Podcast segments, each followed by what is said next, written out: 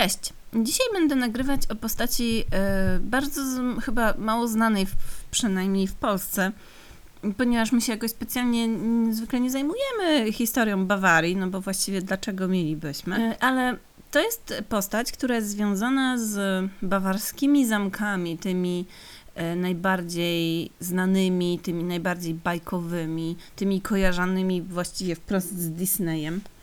Między innymi z zamkiem Neuschwanstein, e, takim wyjątkowo charakterystycznym. To jest też e, postać nazywana czasami bajkowym królem, ale także szalonym królem. Ja jednak postanowiłam używać tej, tej nazwy pierwszej, bajkowy król, e, bo mam do tej postaci, a będzie mowa o Ludwiku II Bawarskim. Mam do tej postaci pewną czułość. Taką. Jest mi tego człowieka zwyczajnie żal, e, ale też wydaje mi się, że było w nim coś mimo wszystko niezwykłego. To nie jest tak, że mm, uważam, że był postacią kryształową, bo absolutnie nie był, ponieważ nikt nie jest. E, ja również nie pałam jakąś wielką miłością do arystokracji jako takiej, ale historia jego życia jest. Właściwie głównie niezmiernie smutna, ale także na swój sposób nadzwyczajnie niezwykła i powiązana z Wagnerem, e, tym kompozytorem. I wydaje mi się, że kompletnie w pewnym sensie oderwana od rzeczywistości. Zacznijmy od dzieciństwa, jak to mamy w zwyczaju. Ludwik urodził się w 1845 roku. I jeszcze nie miał trzech lat, a został wyznaczony na następcę tronu jako y, najstarszy syn, następcę tronu Bawarii. Ponieważ wtedy abdykował jego dziadek, Ludwik I. No i oczywiście Ludwiczek miał potem zastąpić swego ojca na tronie. Jednakowoż fakt, że wyznaczono go od razu jeszcze jako dziecko na króla, było nie było, no trochę go zwichrowało, bo on już sam w sobie, jego charakter był, jak się przekonacie, taki nadzwyczajnie nietuzinkowy, to jednak to myślę dołożyło mu do głowy. I no więc wychowanie, jakie zafundowano Ludwiczkowi, no i taka pewna izolacja, w której był przestochowany, no bo wiecie, trzeba było chronić następcę tronu, co pokazuje zresztą absurd generalnie monarchii no, sprowadziło zawirowania w jego umyśle dziecięcym i po prostu absurdalne poczucie wyższości. No bo jeżeli się małemu dziecku mówi, że jest królem świata właściwie od małego, no to dziecko w to wierzy, no bo tak już dzieci są skonstruowane. To zostało jeszcze bardziej wzmocnione gdy rozkazano służącym w domu panującej rodziny kłaniać się z czcią małemu Ludwiczkowi. No, znaczy, zwykle, y, jeszcze żeby była jasność, nie robiono takich rzeczy. Ten zwyczaj y, kłaniania się następcy tronu wchodził dopiero, gdy tenże osiągał lat 18, a tutaj postanowiono robić to od małego i najwyraźniej to nie był dobry pomysł. Tytułowano go również jego wysokością y, i generalnie, no wiecie, no, utwierdzano Ludwiczka w przekonaniu, że jest po prostu najważniejszy na świecie, co dzieciom po prostu nie robi jakoś tak bardzo dobrze chyba na głowę. Więc Ludwik zawsze musiał być pierwszy. I miał młodszego brata Ottona, więc w zabawach z bratem Ottonem także musiał, trzy lata młodszy był ten Otton, musiał zawsze wygrywać, ale także pierwszy wchodzić do pomieszczeń, no bo następca tronu miał wchodzić pierwszy do pomieszczenia. Nawet jeśli był trzylatkiem, to było głupie. No więc pewnego od razu nawet ten Otto, młodszy brat, został pobity przez Ludwika, bo, bo wyprzedził brata przy wejściu do oranżerii na terenie pałacu. I tutaj trzeba przyznać, że ojciec Ludwika, Maksymilian II, surowo ukarał syna. Nie wiem w jaki sposób, nie jest powiedziane, jest napisane tylko, że surowo ukarał. Więc Ludwik, ponieważ miał tak głęboko wdrukowaną to, że była to jakaś niesprawiedliwość, to do, patologicznie zaczął nienawidzieć miejsce, czyli ten pałac, w którym został ukarany. I potem to będzie już taki rys jego y, psychiki, że w miejscu, który, które będzie mu się kojarzyło z jakimś poniżeniem, to miejsce będzie przez niego w pewnym sensie przeklęte. Jedyną osobą, którą mógł, e, która mogła go karcić i którą chyba darzył jako dziecko uczuciem, ponieważ rodzice byli dosyć odlegli, e, jedyną osobą, która była mu bliska z rodziny, był dziadek, który go wprowadzał zresztą w świat muzyki e, i z, jakby nawiązywał z nim wspólną, wspólny język. Ten dziadek, który abdykował, no ale on nie żył zbyt długo to y, drugą osobą taką, tylko że to nie była już osoba z rodziny, była guwernantka. Guwernantka nazywała się Fräulein Sybilla i y, on ją straszliwie kochał. I kiedyś skarciła go za kradzież torebki ze sklepu, y, na co Ludwiczek utrzymywał, że ponieważ jest królem, to wszystko w Bawarii należy do niego. No ale gdy miał 9 lat, Ludwik, to ojciec który był bardzo surowym mężczyzną, Maksymilian, y, uznał, że dosyć tego gówniarzenia i zarządził jeszcze bardziej rygorystyczny tryb, tryb edukacji. Pobudka dzieciaka o 5.30 rano i zajęcia aż do godziny 20. Był to absolutnie morderczy tryb, który zniszczy każdego człowieka. Odprawił też, i to była największy ból y, w życiu Ludwika Młodego, właśnie Fräulein Sybille, tą piastunkę. I on y, jako dziewięciolatek Ludwik przeżył to straszliwie. Przez całe życie został potem emocjonalnie związany z y, Fräulein Sybillą, korespondował z nią aż do, do jej śmierci. W każdym razie Ludwik w 1854 roku zaczyna rygorystyczne 14-godzinne szkolenie, 14 godzin na dobę Miało to ukształtować w nim księcia godnego, by odziedziczyć Toron Bawarii. E, no, Ludwik był zdolnym uczniem, no ale to było tylko dziecko, które nie powinno pracować tyle godzin. Choć potrafił tłumaczyć starożytną Grekę i miał duży talent do matematyki, to uciekał w sekretne, wewnętrzne życie. Trochę wcześniej, w które już go wprowadził dziadek przy pomocy muzyki. Jakby y, szybko też Ludwik zdał sobie sprawę, że niemile jest y, widziane to, by ujawniał swoje życie wewnętrzne światu, bo była to, było to traktowane jak pewna słabość, wiadomo, wyobraźnia. W związku z tym prowadził w pewnym sensie życie podwójne. E, śnił na jawie, owszem, ale no, no, widział, wiedziały o tym nieliczne osoby. I jeśli chodzi o miejsca, do których udawał się w wyobraźni, to były głównie teutońskie, starożytne legendy. Y, te legendy, w których niemiecki kompozytor Richard Wagner czerpał y, z tych legend na potrzeby swoich gigantycznych oper. Ludwik kochał wagnerowski świat tych pogańskich bóstw, tych straszliwych smoków, mitycznych bestii. Y, muzyka Wagnera dla Ludwika znaczyła wszystko. I kiedy mówię wszystko, to absolutnie nie jest to wyolbrzymienie, a dowiecie się o tym później mm, w toku mojej opowieści. Jeśli chodzi o wygląd, no to Ludwik był bardzo wysoki, podobno, yy, bardzo przystojny. Fizycznie fantastycznie się rozwijał. I chyba z osób tak zwanych publicznych, zanim oczywiście Ludwik y, przestał chować swoje prawdziwe ja, to chyba jedynie Otto von, von Bismarck, no jakby ten pruski żelazny kanclerz, kiedyś spostrzegł y, po tym, jak usiadł obok Ludwika na jakiejś kolacji, że Ludwik y, jest rozmarzony i nieobecny duchem. Niemniej Ludwik celowo wznosił pewne mury między oso osobą a osobami pokroju swego ojca, czy właśnie Otto von Bismarcka. Na dodatek Ludwik był pacyfistą i generalnie brzydził się wojną. Co, co w tamtych czasach było niezbyt y, pożądaną cechą u króla. No ale jeśli chodzi o osoby, z którymi był blisko i które znały jego prawdziwą naturę, to na początku, tą pierwszą osobą, poza tą piastunką, tą Fräulein Sybillą, był to jego adiutant, Paul. Paul był y, szczerym, miłym, młodym człowiekiem, a stosunek Ludwika do niego był, y, no właściwie płomienny był, Ludwik był bardzo oddany temu adiutantowi, dzielił się z nim swoimi najgłębszymi myślami. To był związek właściwie no, w pewnym sensie e, jakiś intymny. Chociaż Paul czasami czuł się przytłoczony tą bliskością Ludwika, czasami uciekał troszeczkę do odległych bardziej od przyjaciela posiadłości, żeby od niego odpocząć.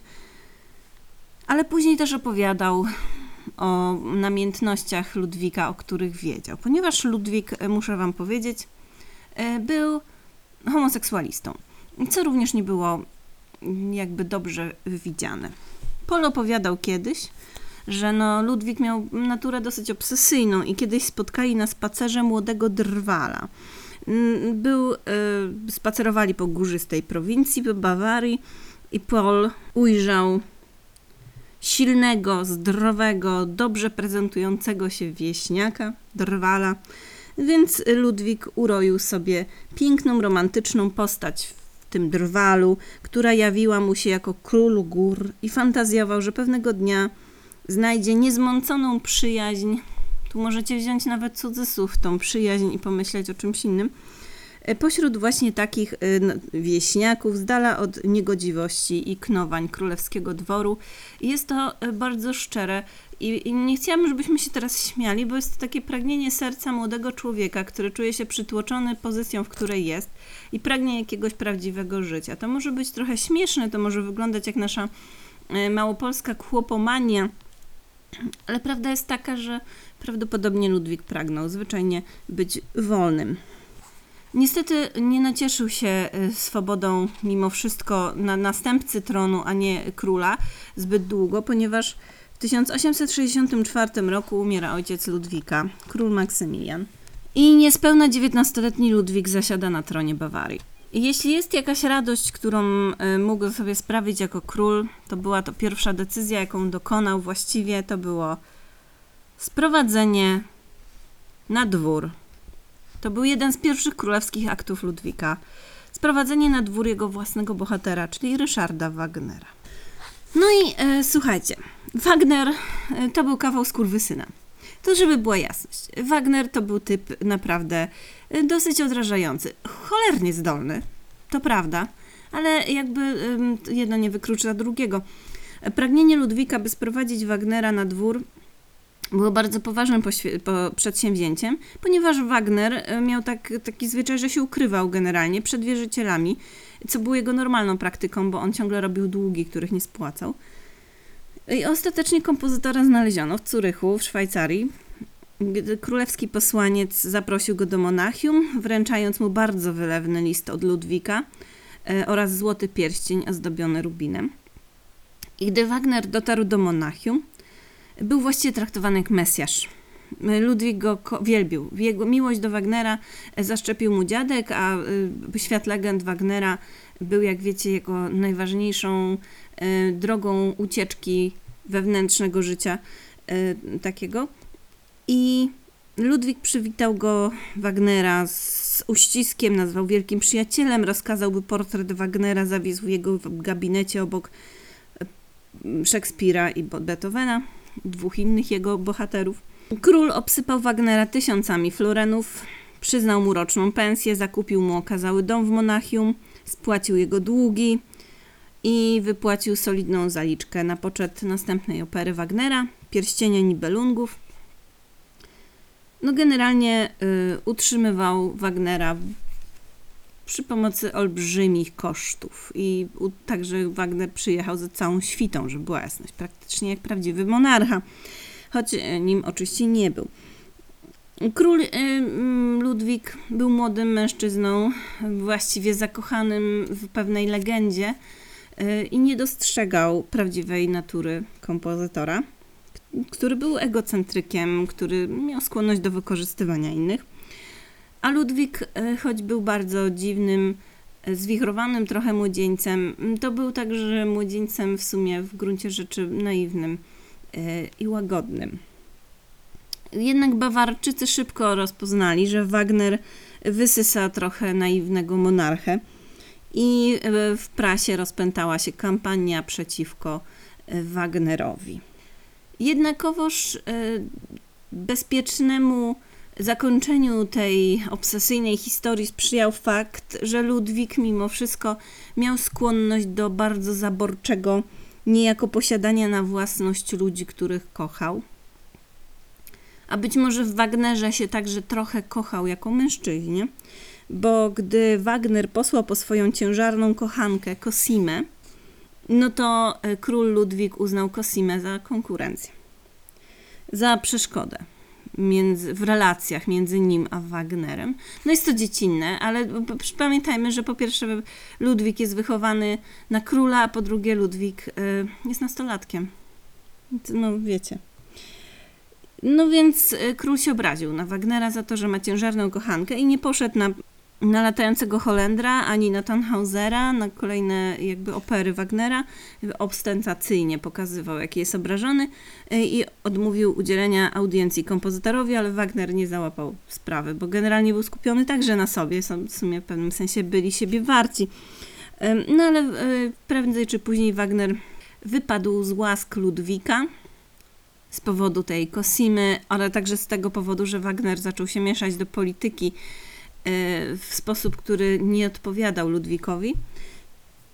No i e, po 20 miesiącach spędzonych na dworze Ludwika Wagner e, wyjechał wraz z Cosimą do Szwajcarii, co można by powiedzieć, że zakończy sprawę, ale tak naprawdę Ludwik bardzo ciężko przeżył wyjazd Wagnera. Popadł w depresję i po siedmiu miesiącach bez Wagnera w lipcu 1866 roku zaczął mówić o abdykacji. Ten przyjaciel jego, Paul, ten adiutant, go powstrzymał. Odejście króla, y, no po pierwsze, zrujnowałoby dynastię Wittelsbachów, ale zniszczyłoby także perspektywę samego tego adiutanta Pola, ale także Ryszarda Wagnera, który nadal mimo wszystko mm, był finansowany przez Ludwika, bo Ludwik co prawda się na niego obraził, ale nadal chciałby Wagner tworzył swoje opery i je finansował. Wagner był po prostu przerażony utratą pracodawcy w pewnym sensie, więc Paul napisał do Ludwika, kiedy tenże chciał abdykować, że Wagner bardzo chce dokończyć swoje wielkie dzieło i całkowicie polega przy tym na Ludwiku. Był to szantaż emocjonalny, ale Ludwik się na niego złapał. I w związku z tym nie było już mowy o abdykacji, a Wagner mógł skończyć swojego śpiewaka norymberskiego. Ludwik y, zaczyna być dojrzałym mężczyzną, no i należy mu wybrać małżonkę. Oczywiście tłumy młodych kobiet e, wzdychały do młodego, przystojnego, wysokiego monarchy, no ale Ludwik nie był specjalnie kobietami zainteresowany. E, no, jednakowoż ciążył na nim obowiązek spłodzenia następcy tronu i trzeba było wybrać przyszłą królową. Trzy lata po objęciu władzy wybór padł na kuzynkę Ludwika, no tak to już bywało, Y, mianowicie siostrę cesarzowej Sisi, Zofię Charlotte. Cesarzowa Sisi, przypominam, była e, żoną Franciszka Józefa. Zofia Charlotta była czarującą dziewczyną, a Ludwik ją znał i ją lubił. No to była jego kuzynka. Generalnie się po prostu lubili. To, to nie było tam żadnej wielkiej relacji, ale to, że się lubili w sumie e, no w pewnym sensie nie było taką złą sprawą.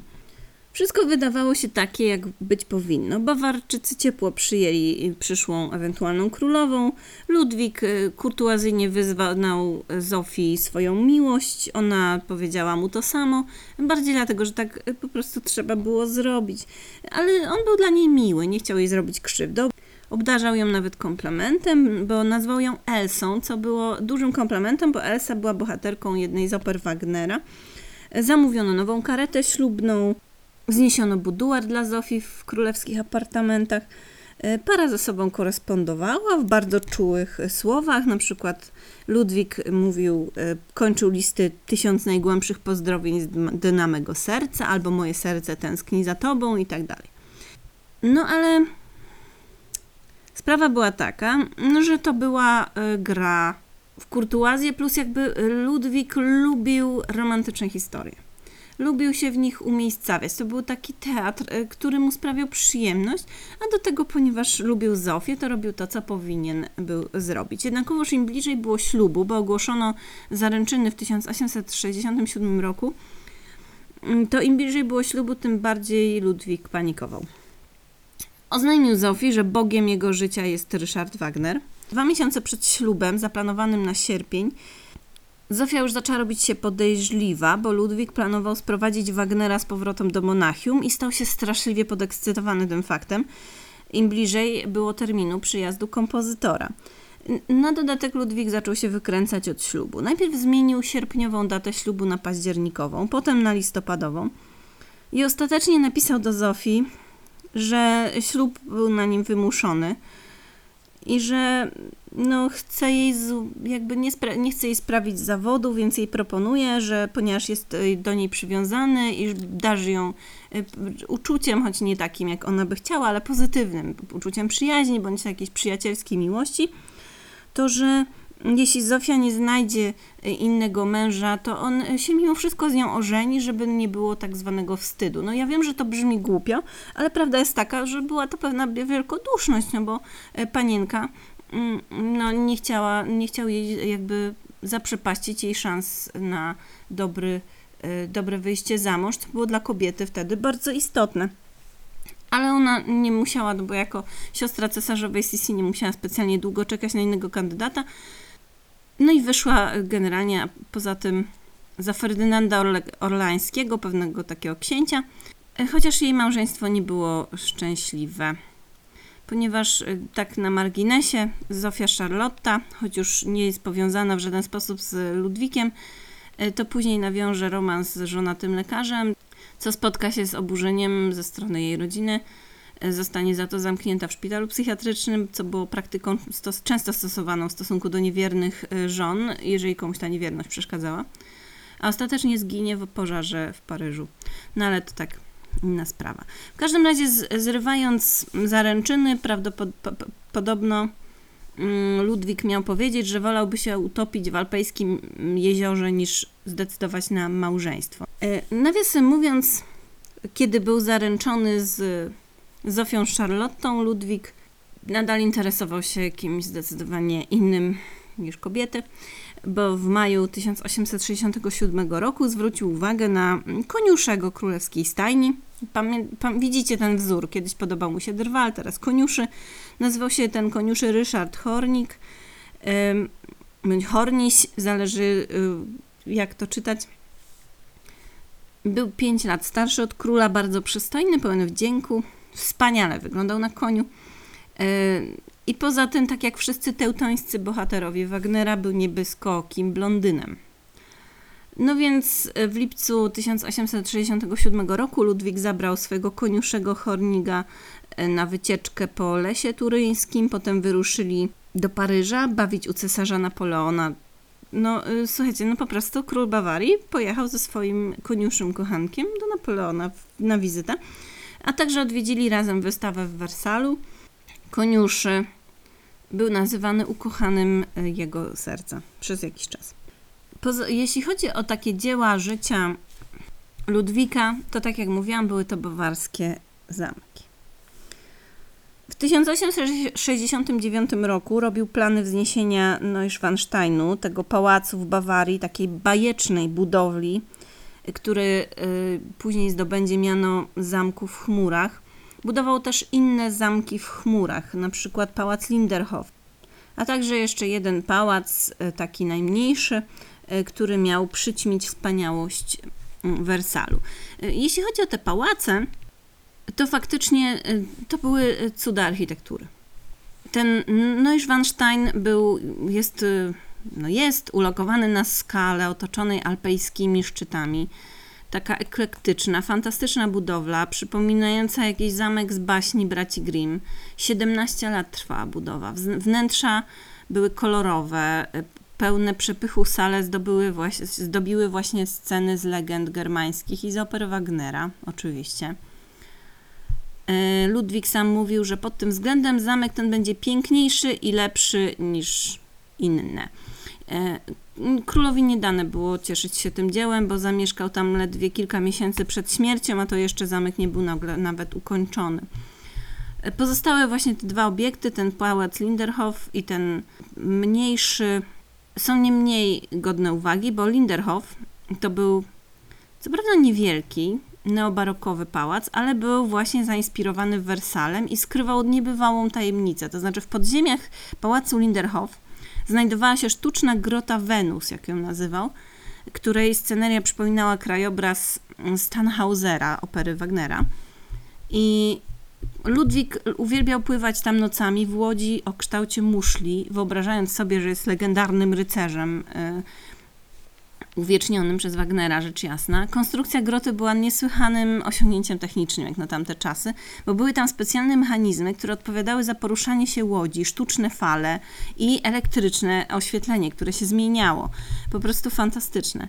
E, ten ostatni pałac, o którym mówiłam, ten wzorowany na Wersalu, pałacyk na wyspie Heren, e, to był chyba naj, naj, najdroższy e, pałac z jego wszystkich zaplanowanych. Niestety nie cieszył się tym pałacem zbyt długo, bo spędził tam także zaledwie jedną noc. Nie zdążył wybudować innych pałaców, które miał w planach, a planował wybudować jeszcze pałac chiński, bizantyjski, no ale powstrzyma go od tego śmierć. Ludwik, tak jak niestety leżało to w genach rodziny, zaczynał no trochę tracić zmysły. Był to, było to tym bardziej oczywiste, że jego ten młodszy brat, ten o 3 lata młodszy brat Otto, już w 1875 roku wbiegł do kościoła w trakcie mszy w stroju myśliwskim zaczął głośno wyznawać grzechy. Został uznany za niepoczytalnego, bo od pewnego czasu już był. No, zachowywał się bardzo niewłaściwie. Mm, I wywołało to przerażenie Ludwika, który liczył na to, że to jego brat doczeka się syna, który zapełni, zapewni ciągłość dynastii, bo Ludwik nie chciał się żenić. E, a Otto no niestety prawdopodobnie cierpiał już na odziedziczoną po matce schizofrenię i porfirię. Jego objawy były wcześniejsze niż objawy Ludwika. Wraz z upływem lat Ludwik coraz bardziej się izolował w swoich górskich rezydencjach. Jego zachowanie robiło się coraz bardziej ekscentryczne. Spożywał kolację wśród popiersi Ludwika XVI i Marii Antoniny. Tłumaczył ich, że w przeciwieństwie do gości, rzeźby pojawiają się przy stole tylko na wyraźne zaproszenie i w każdej chwili może je kazać usunąć. No tutaj to trochę mówiąc szczerze, to nawet mu się nie dziwię. Ludwik chodził spać po południu, wstawał po północy, udawał się na długie, samotne przejażdżki z, z psaniami, na przykład z zaprzężonymi w cztery białe konie. E, na scenie dworskiego teatru odbywały się wystawne przedstawienia, ale jedynym ich widzem był król. Jego życie stawało się coraz bardziej odbiegające od normy. Dnie przesypiał, tak jak mówiłam. Całkowicie zaczął unikać ludzi, służącym nie pozwalał nawet na siebie patrzeć. E, zdawał się tracić kontakt z rzeczywistością. E, nie przyjmował do wiadomości, że oprócz przywilejów ma także obowiązki. Na wszelkie próby perswazji reagował uporem. Mówił, że jest przywilejem tronu, że królowi niczego się nie odmawia. Zagroził nawet odwołaniem całego rządu i powołaniem nowego, złożonego z kuchcików dowodzonych przez swojego fryzjera. Jak wiemy z historii, to czasami być może wcale by nie zrobiło gorzej. No ale. W każdym razie, mm, ponieważ zadłużał się na swoje przedsięwzięcia, a to na Wagnera, a to na te swoje pałace, to szukał rozwiązania problemów finansowych, oczywiście zapożyczając się Raz nawet powiedział, że trzeba obrabować frankfurcki bank i wysłał kamerdynerów z tą misją. Ci oszołomieni wybrali się do miasta, spędzili tam parę godzin, y, a następnie wrócili i powiedzieli, że akcja była niepowodzeniem. Więc Ludwik zaczął pożyczać pieniądze od Rothschildów, od szacha Persji, nawet miał zamiar zwrócić się o pomoc do rządu francuskiego, co już było za wiele dla y, reszty państwowych polityków, bo to by sprowadziło na państwo duże kłopoty. Ponieważ jego brat Otto już y, był strzeżony przez opiekunów dzień i noc ze względu na jego problemy psychiczne, Otton był już w takim stanie, że bał się, że zdarzy się katastrofa, jeśli zdejmie buty albo położy się do łóżka. Kiedy indziej stroił miny, szczekał jak pies, no generalnie cierpiał katusze pod wpływem halucynacji. E, psychiatria wtedy nie funkcjonowała w żaden e, sensowny sposób. No nie było oczywiście żadnych leków na schizofrenię e, ani na porfirię. Te dwie rzeczy się na siebie po prostu nakładały. Więc no, Ludwik obserwował Ottona i widział swoją przyszłość.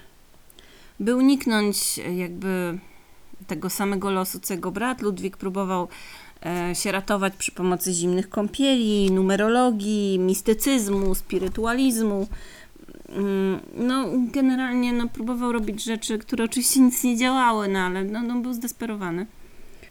Dopiero przy czytaniu jego dziennika widać, że no, jego umysł wymykał się spod kontroli, choć e, z perspektywy lat wydaje się, że mimo wszystko mniej niż e, umysł od Tona. Cesarzowa Sisi zresztą e, była zdania, bo cesarzowa Sisi bardzo lubiła Ludwika. Twierdziła, że nie był obłąkany, tylko był dziwakiem. E, no ale myślę, że jednak na coś chorował. No, dzisiejsi lekarze mówią, że również mogła to być porfiria, która wpływa, e, to jest choroba metaboliczna, ona wpływa rzeczywiście bardzo na psychikę. E, no, no, ale to z perspektywy czasu oczywiście nie wiemy. Jednak kiedy Ludwik zaczął myśleć o tym, że musi odnaleźć mityczny Eldorado, no to już zaczęło się robić no wiecie, no niespokojnie. W pewnym momencie Ludwik już zerwał kontakt ze światem. Odesłał urzędników, odesłał służbę, zwolnił całą służbę w ogóle. No był już psychicznie po prostu niezdolny, niezależnie od przyczyny, do wykonywania obowiązków jako król.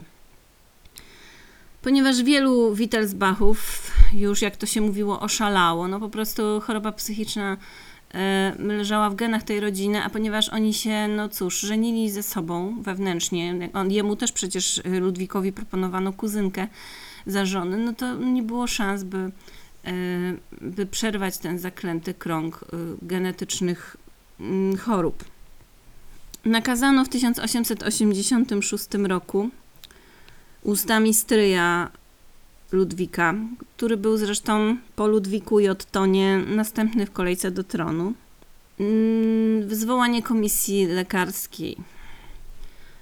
Komisja lekarska nie badała pacjenta, ale postawiła diagnozę z pominięciem tego, że no z dzisiejszej perspektywy jest to absolutnie e, no, niedopuszczalne. Z drugiej strony, chyba nawet nie mieli jak zbadać e, króla. Prawdopodobnie by ich do siebie nie dopuścił. Niektórzy mówili, że stryj. Ludwika po prostu chciał władzy i był to manewr z jego strony e, wyrachowany. No ale prawda jest taka, że nawet jeżeli to e, no, nie mógł Ludwik sprawować władzy. 10 czerwca 1886 roku rozwieszono w Monachium rządowe obwieszczenie mówiące o niezdolności Ludwika do pełnienia rządów, ustanawiające regentem stryja. Stryj nazywał się Luitpold, i był regentem przez 26 lat. Mało tego, e, nie mógł zostać królem, mógł zostać tylko regentem, ponieważ Otto nadal żył. I nawet od, książę Otto, ten młodszy brat Ludwika, nawet nie dowiedział się, że jest królem, ponieważ Otto formalnie był królem. W odosobnieniu swego no, azylu został królem. Nigdy się pewnie o tym nawet nie dowiedział, że odziedziczył tron Wittelsbachów i nigdy prawdziwie nie rządził Bawarią, bo Zmarł w 1916 roku, cztery lata po tym, jak śmierć jego stryja Luitpolda zakończyła 26-letni okres jego regencji, kiedy rządził w imieniu swoich bratanków. Kolejnym regentem był y, syn Luitpolda. W każdym razie Ludwik, kiedy dowiedział się, że odebrano mu władzę, no był świadomy tego, bo Ludwik jeszcze nie stracił całkowicie świadomości. Powiedział, że może znieść, że odbierają mu rządy, ale nie to, że ogłaszają go szalonym. Nawet napisał do swego kuzyna mm, Ludwika Ferdynanda błaganie o pomoc, e, no ale no to błaganie nie dotarło za pośrednictwem służącego do kuzyna. Obmyślał Ludwik ucieczkę z Bawarii, no ale zatrzymano go pod ścisłym nadzorem w jego prywatnych komnatach i wywieziono do zamku Berg. Wywieziono go zresztą zamkniętego w powozie, w konwoju składającym się z trzech powozów. W środkowym powozie usunięto klamki od środka. E, droga była dosyć długa, bo 80 km w powozie to jest naprawdę 8 godzin drogi. Po przybyciu Ludwika na zamek szybko personel zaczął się podejrzewać, że król chce popełnić samobójstwo, bo zażądał klucza do wieży głównej, która miała 60 metrów. E, lokaj udał, że klucz zaginął i szybciutko wezwał doktora von Gudena, który rozmieścił wartowników uzbrojonych w kaftany bezpieczeństwa w korytarzu i na klatce schodowej prowadzącej do wieży. E, I gdy król zbliżał się, dwóch wartowników unieruchomiło go i zamknęło. Bo kiedy król się uspokoił, dr von Guden uznał, że już można go wypuścić i wyprowadzać niejako na spacery. I pewnego dnia dr von Guden udał się na spacer sam z Ludwikiem wieczorem 13 czerwca 1886 roku. Król był wtedy niespokojny, niesłychanie spokojny. Jednakowoż e, ze spaceru nie wrócił już ani on, ani doktor von Guden. Znaleziono ciała obu mężczyzn. Von Guden y, został poważnie pobity, prawdopodobnie no, przez króla. Y, nie znaleziono żadnych śladów na ciele Ludwika. Nie bardzo wiadomo, w jaki sposób dokładnie popełnił samobójstwo. Być może była to trucizna, no wtedy nie było mm, szansy sprawdzenia, no, zrobienia jakiejś sensownej autopsji. Choć autopsję generalnie wykonano, bo gdy 14 czerwca ciało Ludwika przewieziono do Monachium yy, i odziane w okazałe szaty, przypięto mu do boku miecz i tak dalej, to yy, kiedy spoczywało przez trzy dni w karawanie wypełnionym kwiatami, to kwiaty skrzętnie ułożono wokół głowy, by ukryć autopsję przeprowadzoną przez chirurgów na jego mózgu. 17 czerwca 1886 roku Ludwik został pochowany z pełnymi honorami. Bardzo to była e, tragiczna historia. Ludwik żył zaledwie 41 lat.